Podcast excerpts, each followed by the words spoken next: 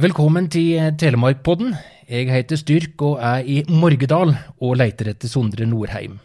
Tarjei Gjelstad, du skal hjelpe meg å leite. Først, eh, hvem er nå du? Jeg vet at du er morgedøl, men hva mer? Ja, litt uh, forskjellig jeg, men akkurat for tida nå så er jeg ordfører i Kviteseid kommune. Uh, og når jeg ikke er det, så er jeg uh, daglig leder på Norsk skieventyr i Mørgedal. Der har vi permisjon nå. Jeg er født og oppvokst i Mørgedal, og jeg plager å si det at en dag vekk fra Mørgedal er en bortkasta dag. da har vi plassert det. Ja. Det er slik at du har vokst opp eh, rett i nabolaget i forhold til det vi er nå? Det stemmer. Nå ja. er vi på Øverbø, og her ble Sondre Norheim født 10.6 i 1825. Og jeg kan skrive under på det er ikke noe luksus. Det er noen få kvadratmeter i stoga med sitt. Du har fyra opp i gruva. Og så kikker vi bort på et uh, skåp på den ene veggen, et bord, og jeg sitter rett ved senga. Var dette representativt for uh, tida han vokste opp i? Det er det, ja. Uh, det var noen her i Mørgdal, de ble kalt seg Gamlekarene. og Det registrerer alle husmannsplassene. og Da viser det at det er nesten 100 slike plasser som dette her eh, rundt omkring her i Mørgdal. Så husmannsplassene i Mørgdal og i Vest-Telemark var som dette her, et lite rom. Og så lå alle sammen enten i den senga der, eller de lå på gulvet. Mest vanskelig å tro at det er sant? Ja, men slik var det for eh, snart 200 år siden. Hvordan starta det hele, Sondre Norheim, 1825 i Stoga der vi sitter? Da eh, ble han født her. Han har allerede en to år eh, eldre bror. Eh, og så går det ikke så veldig lang tid før så dør moren hans. Så det gjør at Sondre og broren Eivind de flyter litt lenger oppe i Lier til besteforeldrene sine. Eh, etter hvert så finner far deres over en ny kjerring, eh, og de flytter sammensatt. Men eh, det er ikke så lenge de er her da, før de reiser og bygger seg en ny husmannsplass som heter Kvæven. Der flyter over med en ny kjerring og Eivind og Sondre. Sondre han øh, var selvfølgelig litt på skole av og til, for da, det var noen like skoledager, men han var ikke akkurat så veldig glad i det. Så på vinteren så Uh, var han ute og løpte på ski, og da uh, var han vel ca. en uh, ja, litt usikker på alder, men sju-åtte år, tenker jeg. Da gjorde han sitt første takøp. Og det var da oppe på Kvæven. Der ligger huset litt oppe i li, så på natta så han sniker seg ut og lagt noen planker eller en stige fra skråningen og opp på hustaket. Og så da på morgenen når de andre våkna, så ropa han 'Mor og far, se ut av glasset'. Og de størma bort til glasset, og der kom Sondre Ive taket. Landa fjellstøtt og for videre ned ved eh, Kvævenjordi. Og det er òg eh, noe av varemerket hans, det var takøpping. Så det høyeste taket vi vet om, det er den gården Kleiv som vi gikk forbi opp her til Øverbø. Der er det vel målt en 11-12 meter, og der uh, hoppa han på, men da var han selvfølgelig en god del eldre. Jøskes. Hvor lenge holdt han på med denne takhoppinga, da? Nei, Det vet vi ikke akkurat når siste takhopp uh, gjorde, men uh, han hadde passert i 30 da når han hoppa på Kleiv, i hvert fall. Hva var det som gjorde at uh, han blei så stor på, på, ski? Ja, du kan tenke deg, på den tid der så var det ikke så mye fritid og slike ting, men på søndagene så møttes folk eh, og På vinteren så hadde de ski da for å leke og ha det moro. Så skileken var i gang på den tida. Og, og Mørgedal den eh, er liksom en slik en kvev og mange fine bakker. Solrikt og som regel mye sno. Og Da var det ofte slik at de begynte i én stad, og så flytter de seg hele tida for å ha løssnor. Det var det de var ute etter. De preppa ikke løypene, det var løssnor de løpte og hadde moro i. Men på den tida der, som du ser borte på veggen der borte, så på de skien der så ser du at det er bare en enkel ring, en, en tåbinding, ja. som du bare putter foten inni. Du kan tenke deg Når de løpte da og skulle svinge og hoppe, så var det vanskelig. For det første var det veldig gustete, og så mista de skien. Så det ble liksom ikke knall og fall. da. Så det ble skikkelig skileik. Eh, Sondre han var den ivrigste i skileiken, og, men han var ikke helt fornøyd med utstyret. Så det han da eh, gjør i tillegg, som du ser på det andre skiparet der, så ser du at nå er det plutselig blir uh, hælbinding. Ja. Så da når han fikk den vidje, stive vidjebindingen bak på hælen, Så kunne han nå bruke foten til å presse på skien, og så kunne han hoppe uten at han mista skien. Akkurat. Så da, at, eh, da kunne plutselig begynne å mestre større hopp. Du kunne lande fjellstøtt, og du kunne utfordre deg enda mer enn du kunne gjøre tidligere. Men var dette Sondres oppfinning? Han er ikke den første som eh, gjorde det. Eh, For det har vi sett eh, beskrive, men den er, han er den- kanskje den første som brukt stiv vidjebinding, og så gjorde han det bevisst for å kunne være bedre på ski og kunne utfordre seg mer. Og det ble slik sett en revolusjon, altså denne bindinga. Ja, og i tillegg, så hvis vi ser på det ski som er på veggen der, så ser vi at de er breie framme. Så er de smalere på midten, Ja. og så er de breie bak. Altså de er innsving, eller da kaller vi det for carving. Ja. Så når Sondre hadde han laga den skien med den innsvingen, så når han da løpte i løssnoen og skulle svinge med den stive hælbindingen, og så kunne han da kante skien i tillegg, så da ville skien søke ut i siden alt ettersom du vippa det til høyre eller til venstre. Så da i tillegg til at du fikk en bedre binding, så fikk du ski som var laga til å svinge og løpe med. Og da ble det fart på sakene. Da ble det fart på sakene. Det som jeg sa, jo, det var at de løpte i, i løssnoen. Eh, og for de som har prøvd det, så vet de det at eh, det er forskjell på å løpe på hardtråkka løyper. Så eh, da fikk vi òg den eh, telemarksstilen. Og det at eh, du kan tenke deg hvis du hopper og lander med jamsides bein, så vil du få bråstøpp og så havne framover. Men det Sondre og guttene da gjorde, det at de landa med den ene foten litt lenger framover enn den andre. For da tok du imot det at det ble en bråstopp. Og da var han allerede i sving. Så Telemarksnedslaget og Telemarkssvingen, det er egentlig i utgangspunktet starta med at du kunne løpe godt i løssnoen. Akkurat. Han var kreativ, og han var en villbass. Og jeg har lest ørlite om at eh, det var ikke alltid han var så god til å arbeide heller. Eh, Hvilken type var han?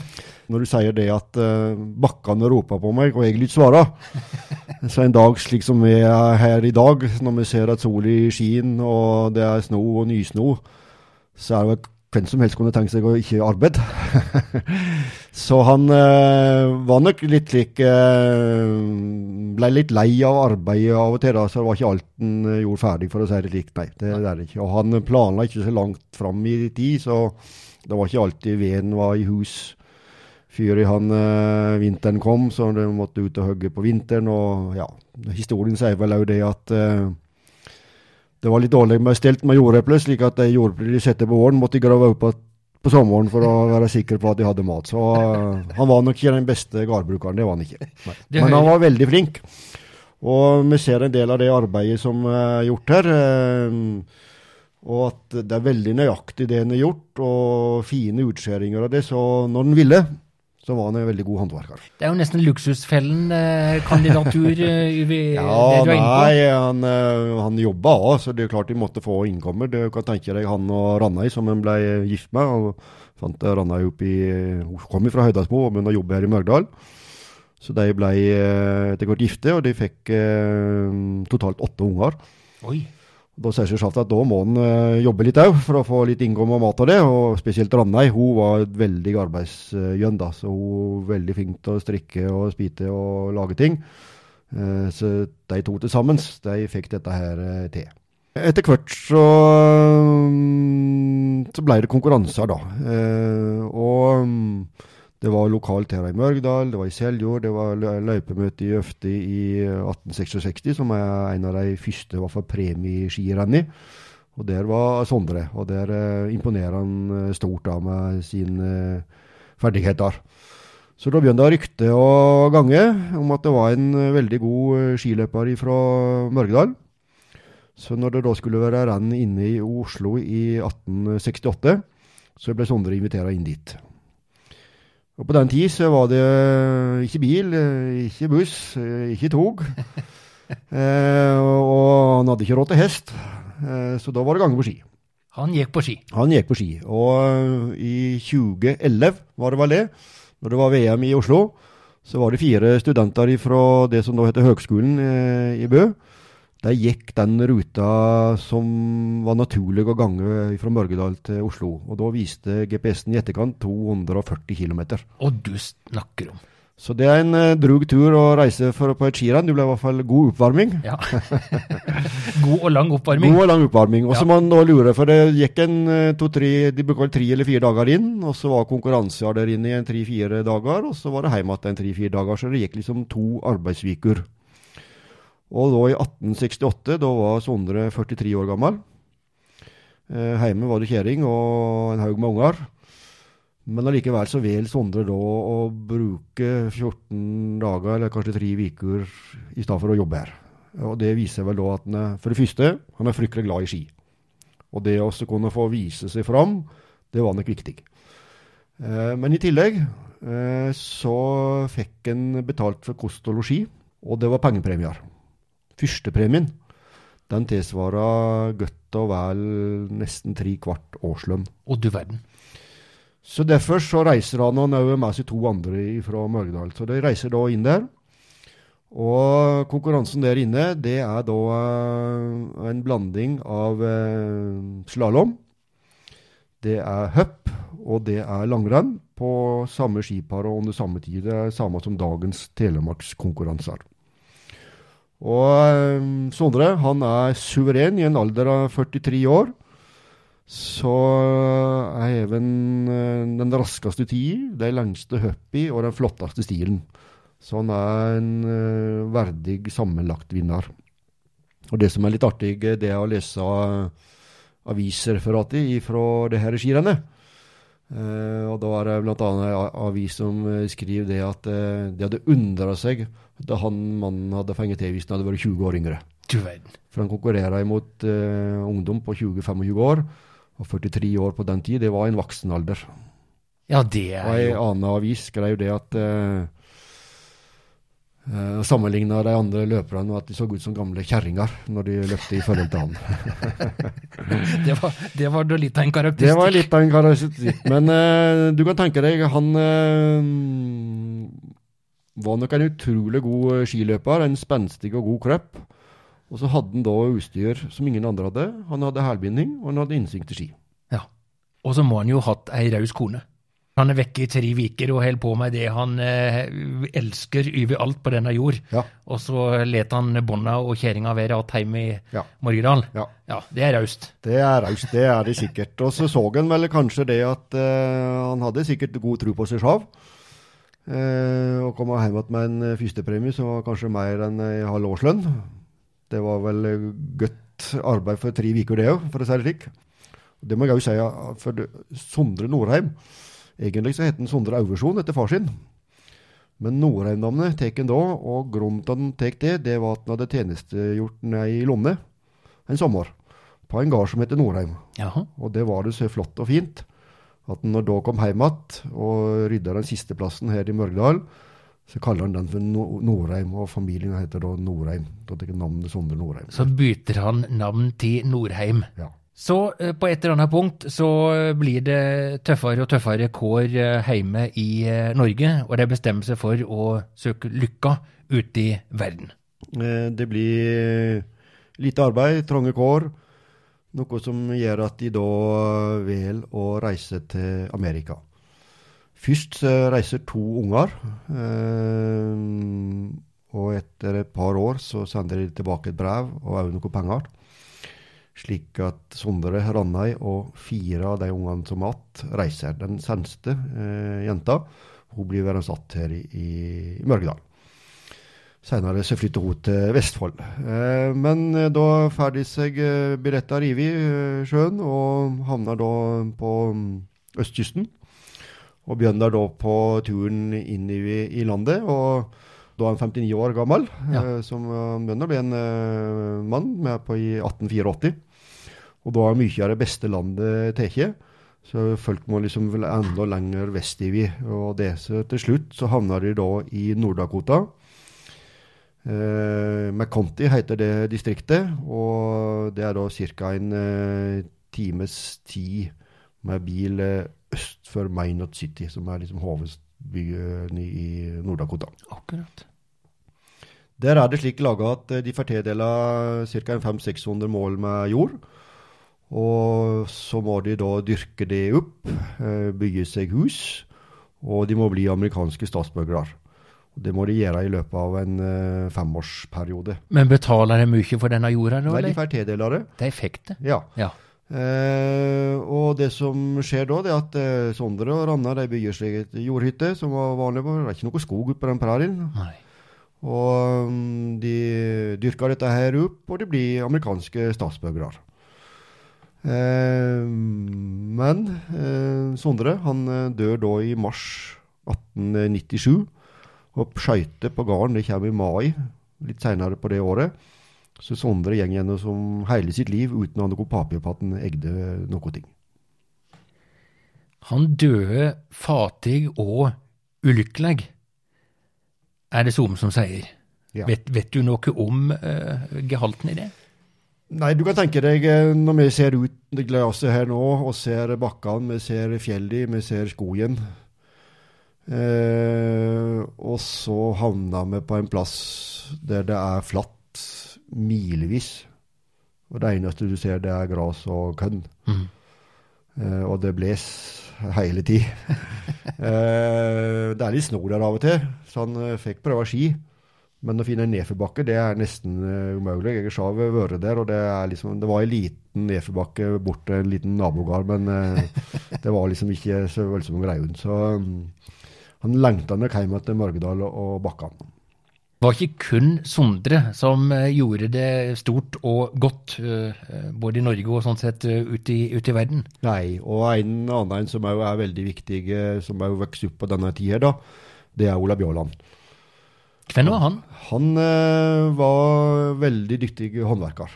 Eh, og ikke minst så var han god skiløper. Så han eh, vinner kongepokalen eh, tidlig på 1900-tallet. Eh, og han eh, blir da uttatt til å reise på skirenn utenlands. Eh, så i Frankrike er vel det.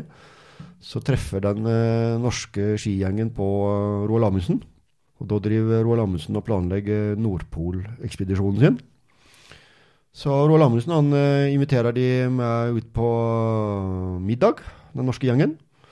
Og under eh, middagen så mottar Ola Bjørland seg opp, og så spør han eh, Roald Amundsen kan jeg få lov til å bli med til Nordpolen. Oi. Og det sier eh, Roald Amundsen ja til, for han har bruk for god skiløper. Og så visste han da at Ola Bjørland var en god håndverker. Så han sier det at det skulle få løfte, men du må sikkert få løft av mor di. Så når da eh, Ola reiser hjem igjen, så spør han eh, mor si om han kan få lov til å reise til Nordpolen med Roald Amundsen, og da sier hun ja, hvis du syns det er moro, så skal du få løfte det. Så han spurte mor si? Han hadde visst spurt mor si. Det er slik gjør alle kjekke, gode Ja, ja, ja, gutter ja. fra Mørgedal. Ja, ja, ja, det er ikke kleint. og godt at det ble ja. Det var veldig godt at det ble ja. Så i mm, 1910 blir vel det, så seiler da skuta fram ut. Og, og kontrakter som hever kopier, eh, som er ute på skieventyret, eh, er underskriven med Roald Amundsen og Ola Bjørland at de skal til Nordpolen. Ja. Og det er da hunder, bikkjer der, og litt eh, forskjellig med mannskap. Eh, og så går det nå noen uker. De har vel kommet til Madeira. Og da samler eh, Amundsen mannskapet, og så spør han de at, eh, og sier det at eh, gutter, vi skal ikke til Nordpolen, vi skal til Sørpolen. så jeg kan tenke meg da en fra Mørgedal som tror han skal til Nordpolen, og får spørsmål om vi gjør med til Sørpolen i stedet. Han sier selvfølgelig ja til det. Ja. Au. ja. Ja. Og da var det for sent å snu, egentlig. Ja, det var nok det. Eh, Det var vel det Amundsen spekulerer i, da. Så, ja. Og historien bak dette er litt forskjellig, men da var det noen som påstod at de vært til Nordpolen, eh, og da hadde ikke Amundsen sjanse til å bli førstemann. Men det var ingen som var på Sørpolen, så derfor så gir han den heilomvendingen der med litt forskjellige historier bak det. Ja. Ja. Men i hvert fall så reiser de da til Sørpolen, og oppgaven til Ola Bjørland, det er å være snekkeren. Han er eh, aktiv på å bygge Framheim, som er den uh, hovedbasen der han er. Så når uh, Roald Amundsen skal plukke ut uh, fire mann som skal gange mot polpunktet, så blir Ola Bjørland en av dem. Så han får da oppgaven med å gange fire og finne de beste veiene, spesielt i starten, for der er det bratt for å komme opp på sjave platået. Og Da var det godt å ha en god skiløper som kunne gange opp og ned for å vise de her veiene. Når de da kommer fram til polpunktet, eh, 14.12. i 1911, eh, så sier Amundsen det til Bjørland at nå får de gå først i Bjørland som kommer fra Morgedal. Så det er nok en eh, god heider til Ola Bjørland, men det er jo en god heider til Mørgedal som eh, den moderne skisportens vøgge, da. Når dukka det uttrykket opp for første gang? Hvis vi går framover til um, 1952, da skulle det være OL i Oslo. Og um, da var det ikke noe uh, OL-ild på den tid på vinterstid. På, på sommeren uh, hadde de det, på mm. sommer-OL. Men uh, selv om vinter-OL starta i Chamonix i 24, så var det ikke noe fakkelstafett eller uh, olympisk ild. Så da blir det tatt et uh, initiativ herifra.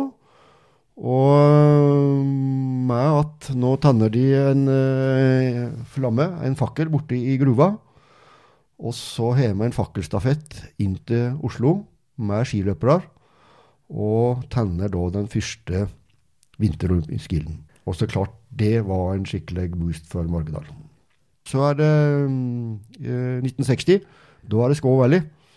Og da ser vi det andre bildet der borte. Eh, det er da eh, ny seremoni oppe på hytta her på Øverbø I 1960. i 1960. Da blir det fakkelen tent. Samme type fakkel, samme type holder, og den blir da frakta ned i bygda.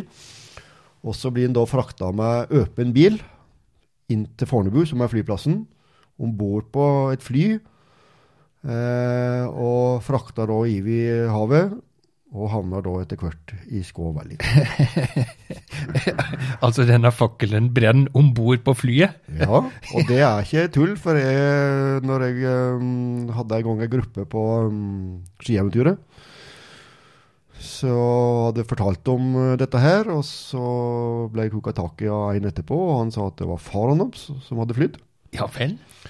Eh, og det var den store spenningen, eh, det med å For det hadde da parafin som de måtte forholde flamme om. Ja. Og levende flamme med fylling av parafin om bord i fly. Ja, det hadde gått i dag, så kan du tro. Eh, og flamma fra Mørgdal eh, i 1960 den brant fortsatt i Skåvali.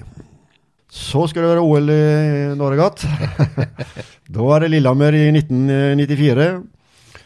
Og på nok en gang så blir det laga til et initiativ, og den eh, 24. november i 1993 da er vi det nederste bildet der. Da er det Märtha Louise som tenner fakkelen i gruva her. Og ute på vannet der så blir det òg tent en fakkel, og på samme tid så åpner òg museet Norsk skieventyr. Det var et eventyr for Morgedal. Det var tider eh, rundt eh, OL. Det var det. Da var det på natta jeg var her sjav. Eh, var fantastisk, for det ble sendt eh, Det var en anledning oppe her, og da var det knallende vær. Masse folk. Og på dagen eh, når det var seremoni der ute, så var det minister her, og det var vel 3000 mennesker som var samla der ute i, på det arrangementet. Så var det på dagtid. Fantastisk. Og det var da starten på fakkelstafetten, som gikk landet rundt. 5000 uh, ulike fakkelbærere frakta den der fakkelen land og strand, hele landet rundt. Hvordan kom ideen om norsk skieventyrtid? Halvor Kleppen og Svein eh, Brekke satt i en skieis i Calgary i, under OL der i 1988. og Bakgrunnen til at jeg var der, det var at eh, det var noe som het eh, Sondre Norheim-stiftelsen. Som da var etablert for å spre litt eh, og drive med markedsføring og rundt Mørgedal og det. Og Da var det jo kjent at eh, Lillehammer skulle få vinter-OL i 1994. Og da kom ideen at nå må vi få til to ting. Det er også å få tenne den olympiske ilden igjen, og så må vi lage til et eh, senter. Ja. Og da ble det etablert noe som heter Morgedalssenteret. Som var øh, utgangspunktet og arbeidet bak dette. Det var starten på det. Det mangler selvfølgelig noe penger og det, og det blir gjort en enorm innsats for å finne de 25 millionene som det kosta på den tid. Men etter hvert så faller det meste på plass. Og byen blir reist opp, og skal begynnes å fylles med innhold. Og da er det ofte slik at da er det ikke så mye penger igjen. så innholdet blir nok ikke slik som det var tenkt, men uh, i hvert fall så får de alt dette her på plass med en kjempeinnspurt på slutten. Så når da uh, de tenner fakkelen her i, til, til 24. november, så åpner de òg da uh, Norsk skieventyr, som det da bytter navn til. Hva kan vi i dag oppleve på skieventyret? Det er For det første så har vi den uh, museumsdelen. Uh, og, og, i tillegg så er det en kafé med god hjemmelaga mat, og det er en butikk der. I museumsdelen så går vi helt tilbake til skihistorien starta. Både nasjonalt her i landet, men også internasjonalt. Og så klart så forteller vi historien om Sondre og morgendølingen av det, med, med, utstillinger og gjenstander, men òg med mer moderne utstyr som bilde og film og, og videoer. Ja. Så er det en egen Sørpol-utstilling, eh, der du vil se originale gjenstander som var i bruk. Og du kan oppleve Sørpolen ved hjelp av eh, litt spennende måter du kan eh, trykke det fram på. I et uh, skimuseum så er det selvfølgelig ski. Mange ski. Mange ski. Gamle og nye. Gamle og nye, så du kan uh, fyre skihistorien fra det starta til dagens moderne carvingski og utstyr. Og så har vi en fantastisk uh, finale der det blir vist film på tre store lerret. Og det er en spesiell film? Det er vanskelig å beskrive den liksom med ord. Du må uh, se den, for det her er, er det noen enorme gode lydeffekter. Uh, slik at du føler at her er du med og løyper telemarkkjøring i et skikkelig, skikkelig terreng. Og de karene som filma det, det var veldig gode skiløpere. Uh, så det er nesten så du ikke tror det, de er, det du er med på når du er i den filmen der. Du høres imponerende ut sjøl, og du er en harding på ski, vet jeg. Ja, det skal litt tid? Og jeg hadde ikke hatt sjans til å gjort det, det, det, det jeg gjør. Hadde du ikke det? Nei, det hadde jeg ikke. Nei. Nei. Du er jo født og oppvoksen i Morgedal. Hva vil du si andre eh, ting jeg bør få med meg i bygda vinterstid? På vinterstid så um, har vi ca. fire-fem mil med skiløyper som er oppkjørt. Eh, og da eh, starter du litt ned i bygda, og så kommer du opp på, mot Snaufjellet. Det er litt forskjellige løyper du kan eh, velge på. slik at vi har litt rundløyper, alt ettersom ferdigheter og langt har lyst å gange. Og, og Mørgdal er slik laga at det er litt bratt nedatil. Men når du kommer opp på fjellet, så er det fantastisk uh, nydelig. Sjaf så er jeg veldig glad i uh, å gange på toppturer, både store og små. Og det er jo er mange muligheter. Og ønsker du en uh, ekstra utfordring, så er Kastedalsskøtet det er den berømte løypa til Sondre Norheim. Den er rydda. Så når det er gode snoforhold, som det var senest vinter, så er det en fin tur å gange opp og virkelig utfordrer deg ned igjen. Det er da du får respekt for de skiløperne som da løpte med de skiene uh, som hang på veggen der. Treski. Ganske primitivt utstyr, selv om det ja. var avansert på den tida. Det er altså, som du tenke i skotøyet. Det var ikke plastikkstøvler da, men det var husko. Eh, og løpte ned de bakkene der. Og Hva du kaller det? Husko? Husko, ja. Det er laga av skinn fra ei kyr eller um, som du hadde på deg, da. Ja. Og det, det, var det som var utstyret? Det var det som var utstyret, og ja. vi tasla da opp med breie plastikkski og plastikkstøvler og streva med å komme ned igjen.